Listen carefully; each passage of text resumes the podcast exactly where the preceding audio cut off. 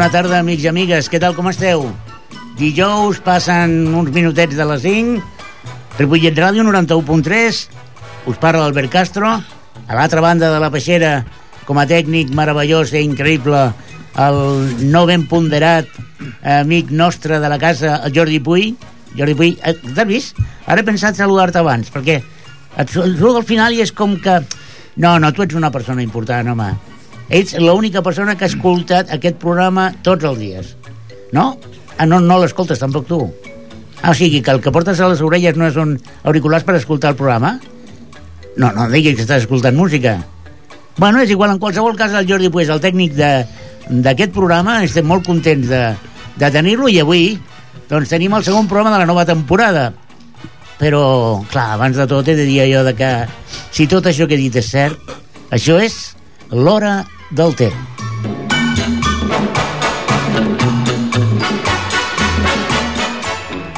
Bé, i avui tenim una, una entitat repetidora.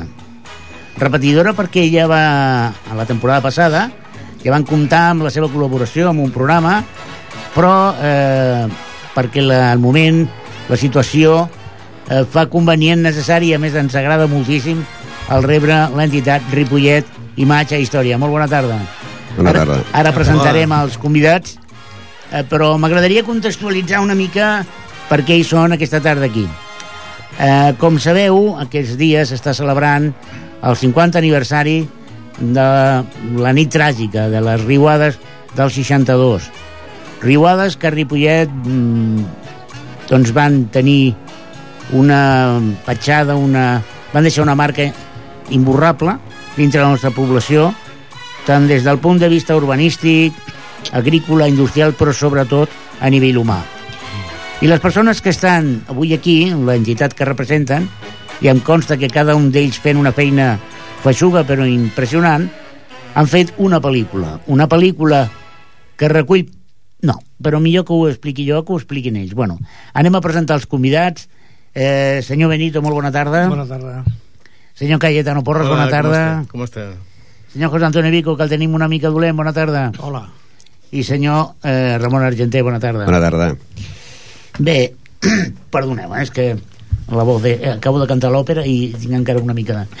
No, com deia, i ara parlant de debò, aquesta setmana s'ha inaugurat l'exposició que es fa al Centre d'Interpretació del Patrimoni de Ripollet de una exposició que s'anomena La nit tràgica i que recull eh, document gràfic i documental del que van ser eh, aquell 25 de setembre maleït del, del 62 i que després, per si fora poc, a novembre es van repetir una altra vegada a Riuada que jo crec que va destrossar encara més el malmès riu Ripoll al seu pas per a Ripollet. I bé, dintre d'aquests actes, doncs, en el seu moment, es va pensar, amb bon encert, penso jo, eh, demanar la col·laboració de Ripollet Imatge, i, i Història i Imatge per eh, col·laborar amb aquesta amb aquesta efemèride tràgica efemèride però bueno, anem a situar una mica l'entitat per si, si encara hi ha algú a Ripollet que no us coneix què és exactament Ripollet Història i Imatge?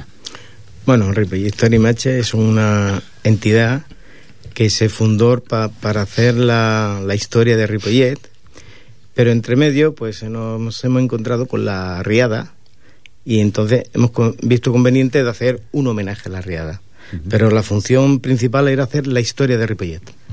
Es decir, la, la entidad nace con, eh, para recoger documentación gráfica sobre la historia de Ripollet, ¿es así? ¿O- Sí, de hecho el nombre salió de, de ahí, ¿no? Ripollet, historia y macha. Muy bien. Ahora básicamente os habéis centrado en la imagen, por lo que veo, ¿no? Sí, A nivel de fotografía, de sí, sí, vídeo. sí, sí, por supuesto. Sí. Muy bien. eh, ¿Qué proyectos habéis realizado antes de, de la edición de este vídeo? Bueno, hemos hecho mm, documentales para personas particulares, por ejemplo, el, el señor este que se llama... El nene. El nene, sí, el nene, que no me acuerdo. El nene que es un, es un hombre que hace barcos de miniatura. Y personalmente le hemos hecho un reportaje a este hombre, pues eh, un reportaje que consta de, de unos exteriores, eh, luego ir a su casa, el- preparar cómo se hace un barco, en fin, todo lo relacionado con el tema del montaje es lo que hemos hecho con este señor. También hemos hecho a otro personaje, eh, Pera navideña. al, sí, al Pera Navinés, que hace carros en miniatura. Algo parecido al nene, pero en carros. Y bueno, mm, referente al reportaje de personas individuales, son estos los que hemos hecho. ¿Falta alguno? Las monjas. No, bueno, las monjas se, se hizo, dijéramos, hicieron una trubada desde el año, de los del año 60, hicieron una, truba, una trubada y entonces nosotros mm, nos dejaron foto, hicimos un reportaje y luego hicimos el, la fiesta, fue uno de ellos. Luego, mm, otro proyecto que tenemos en, bueno, que está funcionando son parques de Ripollet. Claro, el parque de Ripollet ahora lo vemos con muchos árboles y todo, ¿no? Pero si pensamos a lo mejor, yo en la anécdota que tengo, que la otra vez también lo dije, a uno le pregunté, oye, el parque Ansel Clavé, dice, ¿y ese qué es? Digo, el parque del señor José. Ah, sí, tal y cual, ¿no? Entonces son las pequeñas anécdotas que estamos recogiendo y estamos haciendo un poquito la, la historia del parque, lo que había sido ante el parque y lo que es el parque ahora. Es uno de los trabajos que tenemos en proyecto, bueno, que está empezado. Y en proyecto, proyecto, pues hay bastantes más. Pero de momento ahora los más fuertes son esos. Lo que pasa es que vuestra entidad eh, ha fichado a un elemento, dicho con todo el cariño a una persona entrañable, que clar, no, no, heu fitxat algú que té...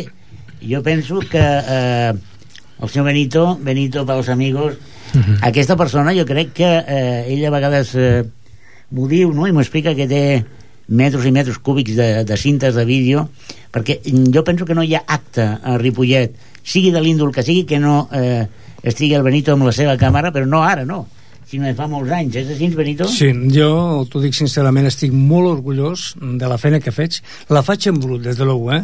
Sort d'aquests companys que són els que ho perfilen amb l'ordenador d'editació, perquè jo ni papa. Jo fa molts anys que ho faig. Aquí i a tots. A mi sempre em veuran amb la màquina, perquè a mi em sembla que estigui casada amb la màquina una cosa que sempre, perquè hi ha molts anys jo abans em dedicava als plens, vull dir que feia moltes coses, tinc molta cosa que la, el que passa que jo no la, no la numerava. I hi ha coses que no saps el que és però de, de vídeos allà en el CIR pues, han estat repassant els companys, vull dir que s'ha fet el reciclatge que es diu, m'entens? Jo faig molt d'això, estic, mira, l'altre dia mateix vaig estar a Barcelona amb, el, amb la d'això de les 16 delegacions que van vindre, que va ser un orgull. També és de dir que es van ajuntar dos actes que ho haguessin pogut estar, es va fer el CIR l'exposició de la Riada que coincidia, és clar, l'alcalde va estar al matí per allà, va tenir a marxar, es van quedar, bueno, aquest acte que farem el diumenge mm, potser serà un acte més emotiu perquè potser no hi ha cap acte més i la gent ho podrà dedicar més, no?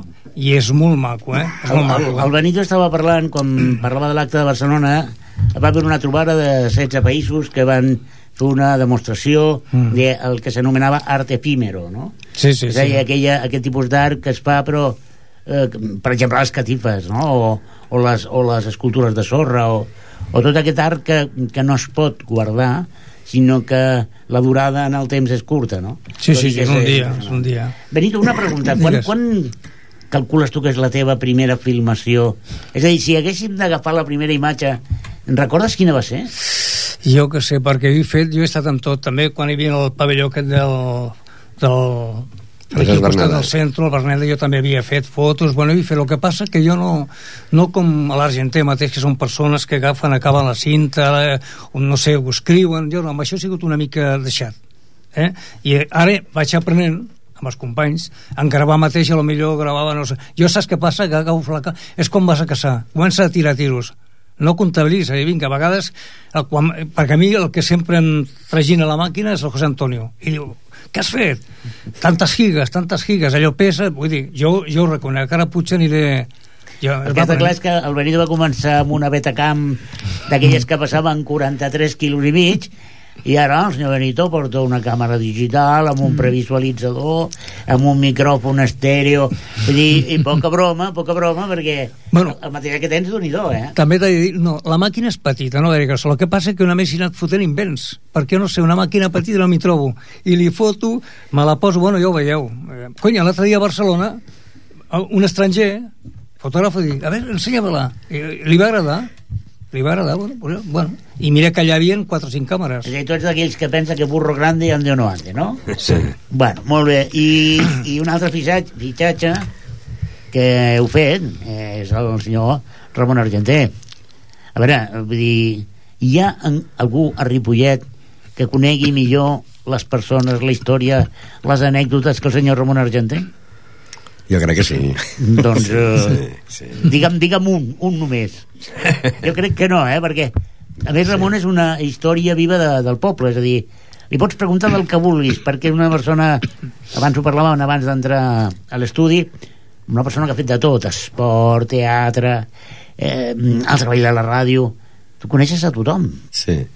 Pensa una cosa, jo vaig fer la primera obra de teatre el dia 15 d'agost de l'any 56 i em vaig retirar per motius de la ràdio de la feina en l'any 2000 i he estat fent ràdio, sem- i 30 anys de ràdio amb el tenis Tala soc president d'honor i estic des dels 12 anys vull dir que allà on hi he estat hi he estat molts anys no? i penso estar tants anys també doncs, a, a la Sí, però, que he però no, avui. no, no, a veure, et dius estat, estat. No, no, tu no eres... Estic, dels- vaja. No, no, tu no eres dels que estaves en allà, entrenaves a ping-pong i te n'anaves, no. No, no. És que tu estaves en allà, al carrer, amb la gent, amb totes les mogudes, eh, coneixes el nom de gairebé tothom, d'on venen, què han fet...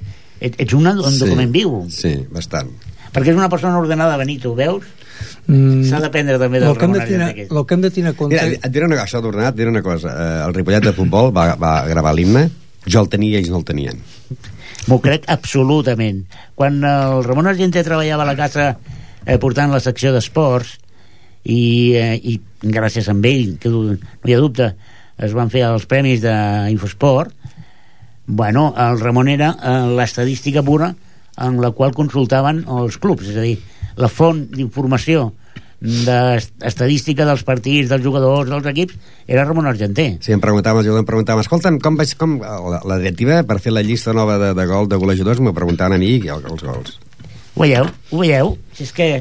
És que està... Digue, I una altra cosa molt important que té Ramon Argenter és la música antiga. Això és un programa molt bon i molt valiós. Home, home, parla. Jo també l'he escoltat molt, eh? Vosaltres, com a entitat, heu fet bons fitxatges, però Ripollet Ràdio, d'un i també, eh? perquè el, abans eh, treballava cada dia per qüestions de capritxos de la natura. El Ramon té una edat ja que es mereix un descans, però tot i així, una, un dia a la setmana, els divendres, si no m'equivoco, Divendres Montroc. doncs va el seu programa que jo personalment sóc el, el forofo número, número dos del seu programa perquè el primer és la meva mare.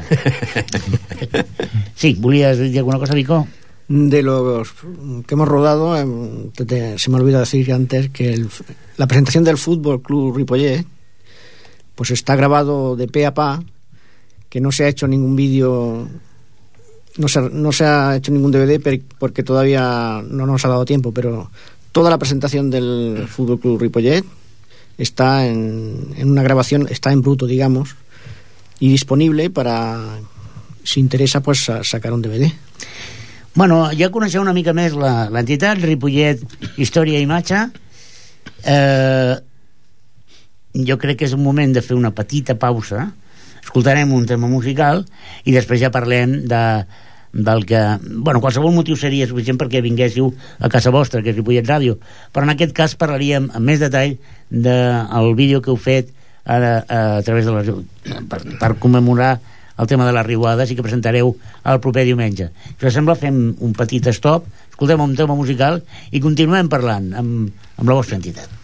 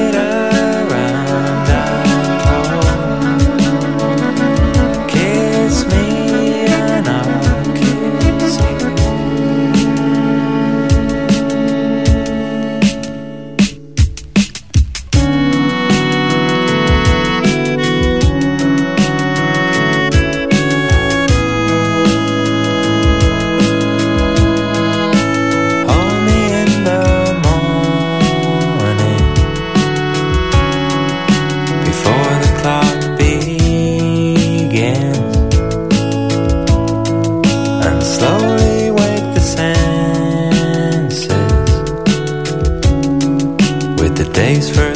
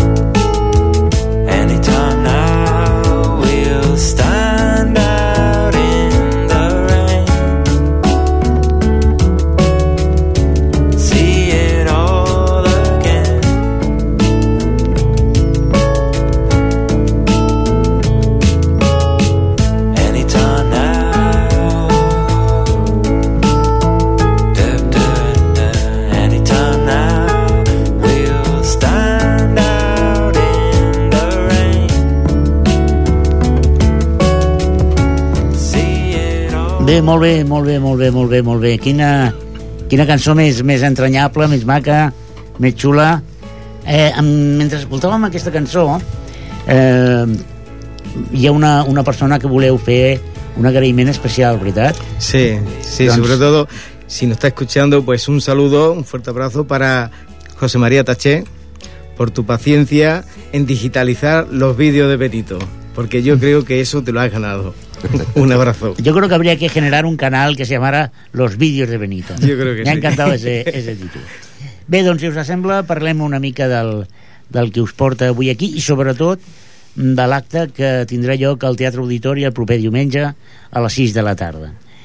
De què es tracta? Què, què, què feu el, el diumenge a les 6 de la tarda? Bueno, el domingo dijéramos que ya se ha engendrado, ya van a hacer aquello que hemos estado un año y medio trabajando. Que es el documental sobre la riada, el homenaje a las víctimas y a toda la gente que lo pasaron mal, ¿no?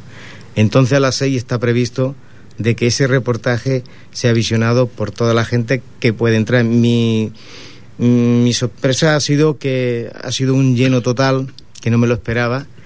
Y la verdad, mm, pido perdón a la gente que no ha podido entrar esta vez, la próxima vez será, ya que tenemos un aforo que no que esté de 350 personas. Nos gustaría que tuviera 3.000 o 4.000, pero no puede ser. O en otro pase, pues se tendrá que un poquito de paciencia. Una pregunta, com, com, com va néixer aquest projecte? És a dir, com agafeu la decisió de fer aquest, aquest documental? A proposta d'algú? Se li va ocurrir... No, com mira, aquest mira, mm, todo empezó. mm, yo tengo mi suegro que es era fotógrafo, abriendo un cajón viendo una foto de la riada y, y aquello que dice, ostras, qué fotos tal, ¿no? ¿Y cuándo fue esto, no? Pues mira, en el 62, oh, pues sí, el año que viene ya hace los 50 años. Ah, pues podemos hacer algo. Pero primero se empezó que sería nada, una cosita pequeña de un cuarto de hora, 15 minutos. Entonces, claro, nos empezamos a reunir, a la gente le pareció bien la idea y entonces a raíz de ahí empezamos a buscar, ¿no? Está el José Martínez, que se, se metió un poquito en la historia y a raíz todos los que venimos por detrás. Uno de aquí, otro de allá, el Ramón Argenté nos ayudó con las entrevistas. En fin, mm, yo creo que fue un poquito de un trabajo muy laborioso. A veces pues se perdía la paciencia, a veces te llenaba de, de alegría, a veces a lo mejor contaba con unas personas, no estaban, luego venían otros que no estaban. Pero bueno, yo creo que yo, como todos los trabajos, tiene sus altos y sus bajos. Pero lo que sí es verdad que después ahora podemos decir que tenemos el fruto ya para saborearlo. Com, quina és l'estructura d'aquest documental? Com, com, com, ho podríeu definir? Com, com està muntat? Què, què veurem? Bueno, está montado por partes. Por ejemplo, de una primera pregunta que era, por ejemplo, ¿qué, qué feia aquella nit? Pues hay una serie de respuestas escogidas de los que hemos entrevistado y digamos que esa es una parte del documental. Luego hay pues de la segunda pregunta y así varios grupos que hemos hecho de, de preguntas escogidas. Claro, todo lo que hemos grabado de cada personaje no pues, es imposible. Pero bueno, lo hemos, hemos dividido, hemos hecho grupos y bueno, luego hemos hecho un final y más o menos así sobre encima eh, es lo que como, como lo hemos hecho, más o menos así, por grupos. Eh, mm, Pel que veig, el nucli central del documental són els testimonis de les persones, no? Sí. Quantes persones heu entrevistat, Ramon? 29. 29. Bueno, hi ha són 28 entrevistats i una persona que fa una narració que no, no, no va estar entrevistant, no? I això que deia el, el José Antonio de les preguntes, es feien un total d'unes 13 preguntes a cada persona, el que passa que hi ha hagut, esclar, aquella persona que amb una pregunta que li feies emotiva, si se li havia mort algú, doncs aquella, aquella resposta era molt més llarga, molt més emotiva que una altra que no se li havia mort ningú, no? Clar. I llavors la, les preguntes que, que apareixien a tots la fèiem la, la mateixa pregunta al començament. Llavors, per tant, eh, el que deia ell, de que totes les preguntes estan repartides. Quan un li preguntem aquella nit que feia, surten tots els personatges, cada un dient què feia aquella nit, no? Mm. Dir, I són 28 persones entrevistades, unes més emotives que les altres, però que sí, tots els entrevistats no és un passa volant, diguéssim, tots els entrevistats són persones que se'ls hi va morir algú, o persones que se'ls hi va, els van haver de salvar eh, per dalt la taulada, o per una finestra, o persones que se'ls hi va morir el bestiar. O sigui, persones afectades directament. Eh, eh, I llavors tres van treballadors de Can Berneda, Can Lligonya i de Can Torner. I Benito, tu eres el responsable de la imatge de, No, de la filmació? Bueno, jo he, he gravat també el, el d'això el José Antonio també ha fet el seu, m'entens? Jo sí, precisament a mi quasi sempre he estat jo. El que sí puc dir que per mi, com diu el Cayetano, m'ha suspès la, la de les centrals i tot allò, i el que sí puc dir que el dia, el diumenge, no, el dilluns em vaig trobar al Fandos i em va dir Antonio, tindreu que fer una trapassa perquè la gent ho demana. Dic, bueno, això ja, ja es dirà. Però sí que us puc dir, cert, que jo precisament el dia del toc de campanes, que jo vaig ser un dels que va tocant la campana, no amb el rellotge, sinó a mà, que érem, llavors quan el, va intervindre l'alcalde, amb el discurs que va fer al personal, va dir clarament la, que l'última activitat que faria seria aquesta que es farà el diumenge, que per mi també us haig de dir, potser serà més emotiva perquè no hi haurà cap activitat que, que serà aquesta. I llavors la gent podrà gaudir d'això? Hi haurà més gent. I, I ell va dir clarament que sí, que es faria una altra, per, de cara a lo que es veu. ell mateix ho ha reconegut i textualment ho va dir, és el que us puc dir. Una, una qüestió, el, a l'hora de plantejar com vau seleccionar aquestes persones a les que vau entrevistar? Bueno, Perquè, clar, suposo que en alguns casos la proximitat, veïns, coneguts, però, clar, eh, a vegades és molt complicat trobar familiars directes d'aquelles persones que malauradament van perdre la vida, no? Bueno, en el equipo que llevamos tenemos una persona que está bastante involucrada en la historia y sobre todo en la historia de Ripollet, ¿no? Entonces, mm, sabiendo mm, cómo se produjeron los hechos, sí que sabía personas directas que habían pasado algo, ¿no? También el Ramón Argente también nos ha echado una mano muy grande, porque yo, a ver, yo de fotos y eso muy bien, pero de, de persona entrevistarla pues no sabía la verdad, poquita cosa, ¿no? Entonces, a través de estas personas sí que hemos podido contactar, hablar con ellos. Eh, unas veces no podían, otras veces sí podían, porque también la edad influía mucho, ¿no? Yo lo que sí que quiero recargar que el, documental este no hemos querido que sea un documental típico, ¿no? Hemos querido que tenga también un aire fresco.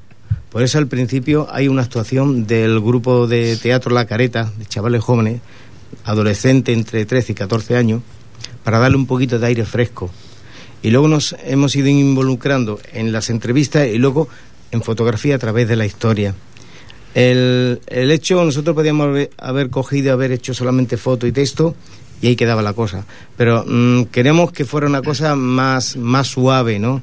Que no fuera un impacto tan grande, sino empezar suave, profundizar y luego terminar suave también. Y así ha salido. Y la verdad, mm, estamos muy satisfechos de- del trabajo. ¿Que se podía haber hecho mejor? Sí, por supuesto. Pero contar que nosotros eh, la economía que contábamos es la personal y claro, hasta donde nos llega. Y más no podemos hacer. Vull destacar una qüestió i que ningú interpreti amb el que diré a continuació un element pejoratiu, tot el contrari. Tots vosaltres, eh, sí que és veritat que Ramon Argenter porta molts anys a la ràdio, però tots vosaltres sou aficionats del món del... A dir, ningú, hi ha professionals de l'edició de vídeo, ni càmeres eh, de carrera, ni res de tot això. Sou gent que us agrada Sí. i que d'una forma absolutament altruista Sí. i amateur, si em permeteu, Mhm. amb tot el respecte i que mereix això, és el que feu la feina. És a dir, que, Sí, sí. que d'alguna manera s'ha de valorar que no veniu d'una escola ni d'una empresa d'edició de pel·lícules de vídeo, sinó que bé, sou un grapat d'admirables però bojos Mhm. i que estimeu aquestes coses i que heu decidit fer aquest, aquest treball d'alguna manera eh, de forma amateur. Home, el que has de tenir en compte, el que tenim és molta voluntat, eh? Molta, això sí que ho entenc. Ho hem fet amb il·lusió, no sé, em sembla que ens hem ajuntat, no sé si les demés entitats com funciona, però nosaltres ho hem fet amb, amb molta il·lusió. I com diu el Cayetano, amb tota. A més, hi ha l'equip de gent que hi ha nosaltres que ens ajuda. Mira, és una cosa que... I ara, l'última hora, amb l'Argenter, que és un fitxatge molt bo, una persona que té una experiència, que crec que, no sé, no sé si haguéssim trobat una altra persona per fer les preguntes, perquè ja s'ha pogut calar i arribar a la gent. Quan, quan el Cayetano parlava de, de que heu involucrat entitats, Sí. quines entitats eh, han col·laborat amb vosaltres? El- la primera vamos a empezar, porque estuvimos hasta las tantas de la noche grabando, la Societat Coral Vallès, que vam fet al Camp de los Urell, Mhm. y vamos a estar grabando al, al- aquí al restaurante Cala Elvira, a baix, y bastante rato, ¿no? Luego, eh, Radio, por supuesto, que ha permitido de que grabásemos la- lo que es la audición, en, como Dios manda en los estudios, ¿no? Luego revista Ripollet, porque gracias a ello hemos podido contactar con gente, gente que tiene material y gente que, es- que nos podía dar una información más concreta de todo esto. Luego la asociación del colectivo de amateurs de teatro de La Careta de Ripollet, por su colaboración, tanto cuando se hizo el casting, bueno, el casting ya venían todos, pero los ensayos, eh, para nosotros hemos aprendido mucho con ello. Y nosotros en sí, con el documental, la verdad, hemos aprendido mucho más de lo que nos esperábamos. Y yo creo que si tuviésemos que hac- hacer otra hora, la cosa sería más ágil, más fácil y no, no duraría tanto. Pero claro, si a esto le, le añadimos las horas que hemos perdido, eh, cuenta que el mes de julio y mes de agosto, tanto José Antonio como yo, supongo que el Argente por otra parte, y el Benito, de cuatro o cinco horas diarias no nos lo han quitado nadie. O sea, hubo una anécdota muy buena que ya hicimos una salida pues al a, que era a Besalú, ¿no? Besalú, sí. Y fuimos con las mujeres y sentado en, en el restaurante pues, se plantaron porque nosotros en ese momento pues empezamos a preparar cosas del guion y dijeron, basta, hemos venido a pasar el día, ¿no? Y bueno, esa fue la anécdota que recuerdo un poco fuerte, aunque habrá visto muchas, pero esa es la que más me impactó. Entonces dijimos, vamos a parar porque con las mujeres no se puede hacer nada más. Per part del, de l'Ajuntament, de l'àrea de cultura o del Centre d'Interpretació del Patrimoni, heu comptat amb suport? Sí, bueno, hemos, mm, dijera que sus instalaciones del TIP están dispuestas para nosotros, todos los que hemos hecho, para hacer pruebas, para reuniones, o sea que en ese aspecto mm, lo veo muy positivo y la verdad, me descubro ante ello. A més a més, eh, dintre del programa d'activitats que es fan en homenatge a aquest 50 aniversari de les Riuades, la, la presentació del vídeo del diumenge eh, és, un, és un element important dintre de les activitats que es faran en homenatge Sí. amb això, no? Penso Sí. que això també és... A ver, a Us nosotros... fa una mica de por, també, això, no? Sí y no. A ver, mm, nos da por porque al principi, com vam fer, era un, un reportatge petit, no? Va llegir una mica, però a raïs de la primera entrevista, segunda entrevista, això va agafar un- una força, però que, que no se podia parar, no? I van dir, no, tenim que profunditzar. Ah, Llavors van començar, i sí, sí, exactament, van començar a començar i això va agafar, pues, és una muntanya, no? I ara veo que la gent està, la gent està molt implicada, que a mí me agrada molt, ¿no? Porque pensaba de, de, de no ser nadie prácticamente, te paran por la calle y digo, escolta, ¿qué tal y cual? Y digo, hostia, pues, como si fueran, no sé, de los Oscars, ¿no? Ahora me imagino lo que se siente cuando un preestreno y todo. O sea que trobo que una satisfacció. Jo el que sí puc dir és una cosa que mm, l'altre dia, la setmana passada vam estar al teatre, vam fer provant amb les pantalles i jo vaig quedar mm, no, no, vaig quedar em va entrar un d'allò de dir una, hem fet un treball un treball i ja et dic, eh el que més mm, s'ha quebrantat que ho ha ficat el, el gran de sorra però el José Antonio ha fet un treball que, que bueno i el Cayetano. Són les dues persones Bueno, eh, i després a la gent per un costat, però vull dir que són els eixos de, les tecles les tecles, això és molt, eh? Ma- Perquè agafar l'ordenador, ara tallo tots dos, perquè són tots dos. Bueno, yo pienso que es un equipo, eh, quien ha escrito los guiones, quien ha escri- Eso- va eso- a escribir las testas... Això s'anava a preguntar, com, com vau organitzar la feina? És a dir, perquè clar, eh, jo sóc molt aficionat al vídeo, un am- Sí. amateur absolut, Vale. però clar, un es planteja i diu, bueno, doncs vaig a fer un documental sobre les riuades. Bueno, lo primero que vam, sí, lo primero que vam fer es, diguéssim, en qué nos, a qué nos enfrentábamos, ¿no? Entonces, a través del José Martínez, eh, dijo, mira, esto pasó ese día, fechas y todo. A ver, esto cómo podemos meterlo máximo una hora. O sea que tenemos para dar dos horas y tres horas largas, ¿no? Pero eh, luego, eh, con un guionista que tenemos, también empezó a, a ponerlo y tal, y, y poquito a poco he ido metiendo. Eso tenemos que recortar, recortamos, porque si no se, se nos salía de texto. Porque claro, nosotros una entrevista que duraba 20, 25 minutos, Sí, 30 perquè minutos... pensava, eh, a mi m'ha passat un guió amb 13 preguntes, no? I llavors depèn de com anava la, la persona, jo ja els hi deia abans. Eh, hi ha vegades que a una persona li fas una pregunta i et contesta la primera, la segona i la quarta, no? Llavors, què fas? Jo, doncs, ja, si em contestava aquella, jo me n'anava notant i aquelles ja no els hi preguntava. I i llavors jo treia altres preguntes de, més emotives, no? Si se li havia mort una persona, treure una miqueta li, també, doncs, la part sentimental, no? Vull dir, que la gent veiés que hi havia una emoció, no? Va passar aquí que eh, jo la segona pregunta jo hasta plorava, vull dir, em va anar al coll de, de, degut a la resposta, no? Doncs, eh, i, I aquest guió el van presentar a mi, doncs jo feia aquestes preguntes, el que passa que li deia, mira, això és així, no? Primerament, eh, fèiem com una, un, un, un ensaig amb ell, no? Vale, llavors, si la primera pregunta em contestava la primera la segona, la segona ja no li preguntava, no? I llavors jo treia altres preguntes de, de coses que jo havia vist, m'entens què vull dir? Perquè jo, clar, el, aquell dia, al matí vaig estar a les del matí fins, fins, fins al Però, clar, és vespre. que tu podries haver estat un, un entrevistat. Sí, Podries sí, jo... haver estat a l'altra banda a mi de la també m'entrevisten, sí. sí. Ah, tu sí, també? sí, Ja també. te fas tu mateix a l'entrevista? No, no, me la fan. Ah, bueno. és l'única. Ja està bé, no? Una entrevista Ja l'entrevistin. Ja series capaç de fer-ho, eh? Sí. De... Luego, lo siguiente fue desglosar todas las entrevistas. Porque, claro, si tenemos 23, 24, eh, no podemos poner a dos personas que contesten lo mismo. Entonces, desglosarlas por minuto y segundo. Que eso fue una faena enorme. A veces te volvías loco. Y luego todo eso, introducirlo ya en el tema. Pregunta, fotografía, pregunta, fotografía. Y luego eh, tenemos que dar las gracias a la familia Hernández porque nos pasó un documental muy bueno grabado por el señor Hernán- Hernández de La Riada en 16 milímetros y la verdad es digno de ver. Yo me, me descubro Sí, no ante fue- él y ante el francés Curset también, que muchas fotos, gracias a ellos dos, pues hoy es posible. Aquest vídeo és, és en directe, el va fer en directe al matí a les 6 del matí. Vull dir, aquesta hora, i, és- i és clar, es veu com l'aigua com corre, perquè és, és fet en directe. És un testimoni de primera mà. Sí, sí, sí, sí. Caram, caram, bueno, suposo que al marge de la tragèdia que suposava el testimoni dels entrevistats i però suposo, Ramon, que entre tanta entrevista i tanta pregunta alguna anècdota podries explicar, no? Podries Mira. explicar algunes anècdotes pues mira, no, jo podria explicar moltes anetes amb els esports, no? Però coses d'aquestes, anècdotes, eren, diguéssim, de, de, de... Jo, quan arribava a casa, em feia una pregunta a mi mateix. I em pensava, per què li has fet aquesta pregunta? Si no li hagués fet aquesta pregunta, potser no s'hauria no emocionat. Te senties una mica culpable d'haver... I pensava, ojalà no hagués fet aquesta pregunta, ni aquesta ni cap. Si no hagués fet cap pregunta d'aquestes, vol dir que aquesta nit no va, no va existir. Ja.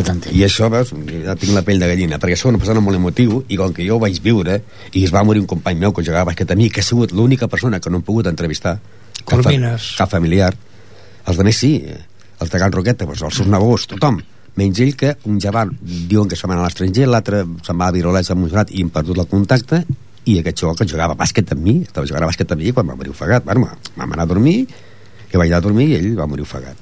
Vull dir, doncs, eh, en fi, em feia aquestes preguntes que em sap greu eh, eh, no col·laborar amb ells, em sap greu haver de fer aquest reportatge per parlar de fer una, una, una cosa, dius que dius una desgràcia jo és que estat més content de- d'explicar la història de Ripollet, de quan hi havia un torrent aquí, que entraven per aquí, anaven fins a Marrampinyo a peu amb uns antorxes, no? De, de, de, de quan jo vaig decidir que eren 4.000 habitants. Això sí, però debutar amb ells amb una tragèdia és... Eh, jo que venia del món de posar música, rock and roll i coses d'aquestes i fer entrevistes esportives va ser un canvi molt fort per mi. Yo una de las que la verdad me fue con el señor Mar- Marcel Iser, que vino, no sé si fuera de algún pueblo de aquí de la costa, no sé si era de... de Sí, venia de Pinet, sí, estava Orenys. Orenys, Bueno, sí. van quedar un dissabte y estaba plovent. Y van dir, bueno, ¿y dónde fue la, la entrevista? Porque claro, si le tinc que al senyor que, que està plovent, s'ha de tornar i tornar a vindre. Le van dir que si podia, podia fer-la sota el pont. Va dir que sí. I jo, eh, quan vam començar a fer la- l'entrevista i sota el pont, començava a parlar el senyor Iser i tal i qual, contando la subvivència, i jo mirava l'aigua i jo pensava, mare meva, la d'aigua que va passar per aquí, no? I va sortir d'allí con una mica de, de, de por, no? De por. No va passar res, no? És que, a més a més, estàvem, estàvem en el En puntal, el al mateix- mateix pont, on hi El havia els mateix. fonaments del tros que va quedar Sí, sí, encara. donde se va a ensorrar el pont, no? Està gravat, I- això, eh? I jo pensava, mare meva, la d'aigua que va passar per aquí. I bueno, i va sortir d'allí pues, con una por. No passava res, no? Perquè eren quatre gotetes, però bueno, ja la, la imaginació ja va començar, no? I l'altra va fer quan vam anar a la família Casamitjana de Cerdanyola Sí. con la moto. Porque el Ramon nos contava que havien trobat a una persona i una moto en el fang i tal, Sí. la van treure la moto, tal i qual. I parlant ell, dice, sí, la moto és de la meva família i la tinc aquí. I va portar la moto... Sí, jo, sabia que, jo sabia que era d'ells, que, el que no sabia que la tinguessin guardada encara. Exacte. I la tenien guardada. I la van La portar... moto que, que es va sí, sí, fer apareix, Mercè, apareix, sí. Aquesta moto la vaig descobrir jo. Aquesta moto es veia un, una empunyadura que sortia. Ostres, que és una moto. I, I traiem la moto, un guàrdia civil, un soldat i jo traiem la moto, i dic, mira, aquesta moto és d'aquella casa d'allà. I la van portar a aquella casa d'allà. Però aquesta moto, a sota hi havia un cos. Ja. que es veu que la moto li havia fet sang a la cara perquè li, la cara li sangrava i era el manco vigilant de, que estava a Can Massacs Caram. I vam fer l'entrevista amb la moto allí, en directe. Sí. Se va ser una cosa... Pues encara continua tenint la moto. sí, li vaig sí, dir, porta-la, perquè no la portes Sí, aquí sí, la, sí. la, la, la van anar a buscar al costat i davant de la Bueno, que, que la van posar allà a l'entrevista que le fem sí que surt a la pel·lícula la moto. O sea que és una cosa molt curiosa, molt curiosa. sembla que és 94.700 i pico La matrícula. Se'n recorda de la matrícula. matrícula Serranyola de, eh, la, les, les plaques de Serranyola en Sardanyola eh? Encara- Con ñ, no? Sí, I la S, no? Sí, Cerdanyola. I això fa ja 50 anys. Digues, Benito. I un dels impactes que vaig tindre amb, amb una de les entrevistes per mi va ser l'Andrés Lobato. Aquest company mm, se li van ofegar la mare i dos germans. jo no estava el Colomer. Això sí que em va impactar perquè precisament la, li van fer l'entrevista, escolta, i això quedava, eh? Bueno, per al que estic veient, no m'estranya que s'hagin esgotat d'una forma absolutament rapidíssima les entrades per veure aquesta, aquest documental i estic ben segur, abans de micròfon sí, sí. tancat ho parlàvem, no sabem encara ni quan ni Sí, a sí, on, sí, sí. però és pràcticament segur que repetiran Mhm. la projecció d'aquest documental Sí. perquè jo penso que ja no només per a l'esforç que ha suposat per vosaltres, que això ja seria motiu més que suficient, sinó també per al contingut, no? Que el podran comprar, podran comprar el DVD, si volen. Això és el que Ah, volia ho dir. Sí. Bueno, jo el que sí volia dir, perquè ja la gent... Escolta, jo vull una, jo vull una altra... A veure, nosaltres sí que podem fer una, dos, tres com a màxim, Clar. però ja tanta no. A llavors solo que hem contactat con una gent que fan pel·lícules i tal, no? I ho fem a un mòdico preu de 6 euros. I se posarà la, la venda al mateix dia. S'agafa Perfecte. l'adreça, l'adreça, se paga i tal i qual. Perfecte. Perquè, a veure, nosaltres no guanyem res. Sí, es, es, És sobre majorment- encàrrec, sobre encàrrec. Si, si digués que són quatre DVD, cap problema, perquè ho fem a casa i ja està. Sí, Però sí. ja no són quatre, són molts. És Hi ha alguno claríssim. que jo vull tres, quatre per al meu germà, bueno, a veure, ho fem així. I al qui li agrade, bé, si no, no obliguem a ningú. Majorment perquè tingui un record. Però, esclar, es faran sobre encàrrec, doncs la persona encarregarà i així ens els faran. Perfecte. Bé, eh, voleu dir alguna, alguna cosa abans de... Yo cambiando de tema quería decir que me ha servido eh, este hecho culturalmente para aprender una serie de nombres de aquí, que voy a citar algunos, no sé si me dejo algunos, pero, pero quiero citar algunos nombres. Motes, son motes. ¿no? Bueno, son can, la, la sinia, por ejemplo. Sí. He aprendido más o menos la sinia, que es la sin, dónde está la sinia, can rusitu, can eh, can ruqueta, entre can ruqueta y casa mitjana algo he aprendido de historia entre ellos. Can Picadet, que me parece que es lo mismo que Coromines. que sí. Que era el edificio actual del ayuntamiento. Bueno, eh, Filaturas Torné, Calmañá, Calconí. que Calcuní, sí. Bueno, y si me supongo que me dejaré alguno, pero bueno, esto es lo que quería nombrar. Y reservar, no decir nada del la final, el final de la película, porque está interesantísimo. Bueno, si tot el que heu explicat fins ara ja ens feia posar les dents llargues i amb ganes de veure el documental, amb aquesta última frase, en Vico encara ens has deixat més neguitosos i amb ganes de... Sí, jo, jo de- volia fer una, una aclaració. Que ningú pense que aquesta pel·lícula eh, la portem a guanyar un Oscar, ni un Goya, ni un Oso de Oro, ni res de res. Solament és per fer un homenatge a la gent que va patir la riuada, la gent que va morir, i al poble de Ripollet per sortir al carrer per ajudar a tota aquesta gent afectada. Però jo penso que els projectes que es fan amb il·lusió, amb ganes, amb, amb coratge i que un posa fins i tot els diumenges amb una excursió i dedica una estona de dinar per preparar guió vol dir que hi ha molt de vosaltres darrere d'aquest documental i que tot i que em consta que està molt ben fet i molt ben editat i de molt alta qualitat escolta tu, del que es tracta és de fer i de que la gent es reconegui darrere d'una imatge. Bueno, no sé, eh, jo de veritat és que tenia moltes més preguntes, però el temps ja, ja ens tira a sobre i recordar dades, per exemple, diumenge. Home, mira, és que més és perfecte, tu, perquè el diumenge a les 5 repetim el programa. Vale? Escolteu el programa. Us permeto que 5 minuts abans d'acabar, que acabaríem a les 6 el diumenge, a córrer cuita o aneu al teatre si és que teniu entrada, vale? i veieu el documental. És que és perfecte perquè l'hora del es repeteix el diumenge i el diumenge al Teatre Auditori a les 6 es fa la projecció del documental per cert, té títol aquest documental? Riuada del 62. El documental Riuades del I 62 dura una hora i, i deu minuts. Una hora i quart. Aquí, ja veu és...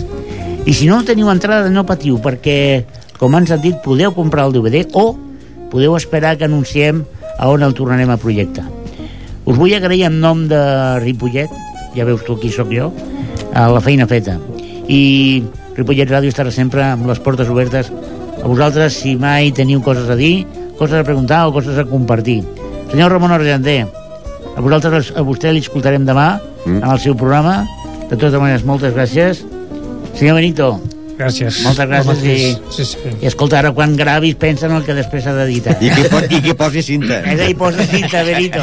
Jo el que dic, el que dic, que almenys ho dic al poble de Ripollet, que això serà una cosa que mai és, vamos, no ha hagut cap, perquè tot han sigut llibres i no és el mateix llegir un llibre que veure una cosa visual i que un fet en tota la jove i que ah, llavors ja quan es faci la propera ja es, ja es farà propaganda S'us girarà Sí. feina si ho heu fet massa bé. Senyor José Antonio Vico, Gracias por llamarnos. penso que estàs una mica patxutxo, però bueno... Sí, estoy un poco... No es troba gaire malament. No, no es troba gaire malament. I senyor Cayetano Porras, Por molt agraït. com a representant, president d'aquesta entitat, Miembro, miembro más del equipo. Ripollet Història i Imatge. I per últim, agrair l'acolliment per part vostra de l'emissora, m'entens? Això també és d'agrair. Això és casa vostra. A l'hora del té tenim un plaer enorme quan podem obrir portes i que vingui gent que fa coses pel nostre poble que, que coi, ja, ja va ser hora, no? Ja va ser hora, i tant que ja és hora, Jordi, que, que ja està. Que ja ens hem quedat sense, sense programa. Però jo no tinc problema perquè entro a ripollet.cat, ratllo a la carta, agafo l'hora del té o qualsevol altre programa de l'emissora i l'escolto com vull, com a l'hora que em ve de gust i tal, perfecte. El diumenge es repeteix un altre cop. I el dijous que ve a les 5 de la tarda, més o menys, al 91.3, i en companyia del Jordi Puy i d'unes convidades molt interessants, podreu prendre nosaltres en aquest programa, a l'hora del té. Thank